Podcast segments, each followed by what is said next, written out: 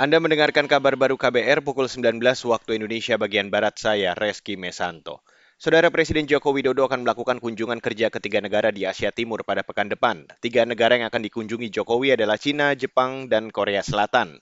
Menteri Luar Negeri Retno Marsudi mengatakan lawatan yang berlangsung selama tiga hari itu bakal membahas perdagangan dan investasi antar negara.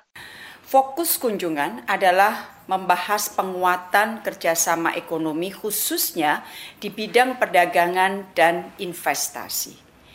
Menteri Luar Negeri Retno Marsudi mengatakan Cina merupakan mitra dagang terbesar Indonesia dengan total nilai perdagangan mencapai 110 miliar dolar Amerika Serikat pada tahun lalu. Cina juga merupakan investor terbesar ketiga bagi Indonesia dengan total nilai sekitar 3,2 miliar dolar Amerika Serikat selama 2021. Jepang merupakan mitra ekonomi tradisional Indonesia dengan nilai perdagangan mencapai 32 miliar dolar Amerika Serikat selama 2021. Sedangkan investasi Korea Selatan ke Indonesia juga tumbuh pesat. Beralih ke berita selanjutnya, Saudara. Menteri Hukum dan Hak Asasi Manusia Yasona Lauli menyebut kekayaan intelektual berupa lagu bisa dijadikan jaminan utang ke bank.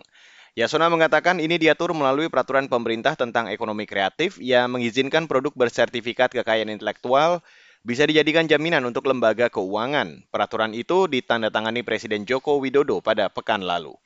Ada perpres yang baru, ya, peraturan pemerintah yang baru tentang jaminan kekayaan intelektual, jadi jaminan fidusia. Jadi soal kita punya sertifikat kekayaan intelektual, merek kah, hak cipta kah, kalau lagu misalnya sudah top, hak cipta kita itu dapat dijaminkan sebagai fidusia ke bank. Menteri Hukum dan HAM Yasona Lauli menambahkan kebijakan tersebut merupakan bentuk keberpihakan pemerintah untuk melindungi dan mengutilisasi hak kekayaan intelektual atau haki. Selain itu, menurut Yasona, valuasi haki bisa terlihat dari potensi pendapatan yang akan diterima.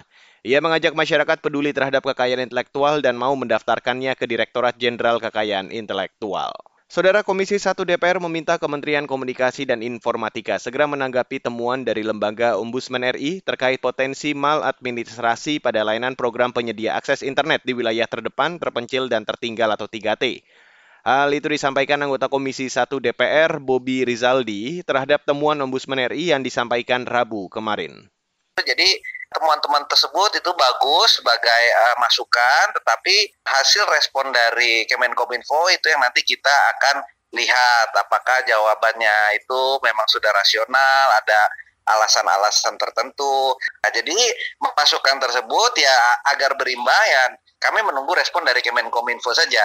Saudara itu tadi anggota Komisi 1 DPR, Bobi Rizaldi. Sebelumnya, Ombudsman RI menyebut ada empat potensi maladministrasi dari program penyediaan internet untuk wilayah terluar, terpencil, dan tertinggal atau 3T. Di antaranya program tertunda berlarut-larut, adanya dugaan pelanggaran prosedur, hingga tingkat kecepatan internet yang rendah.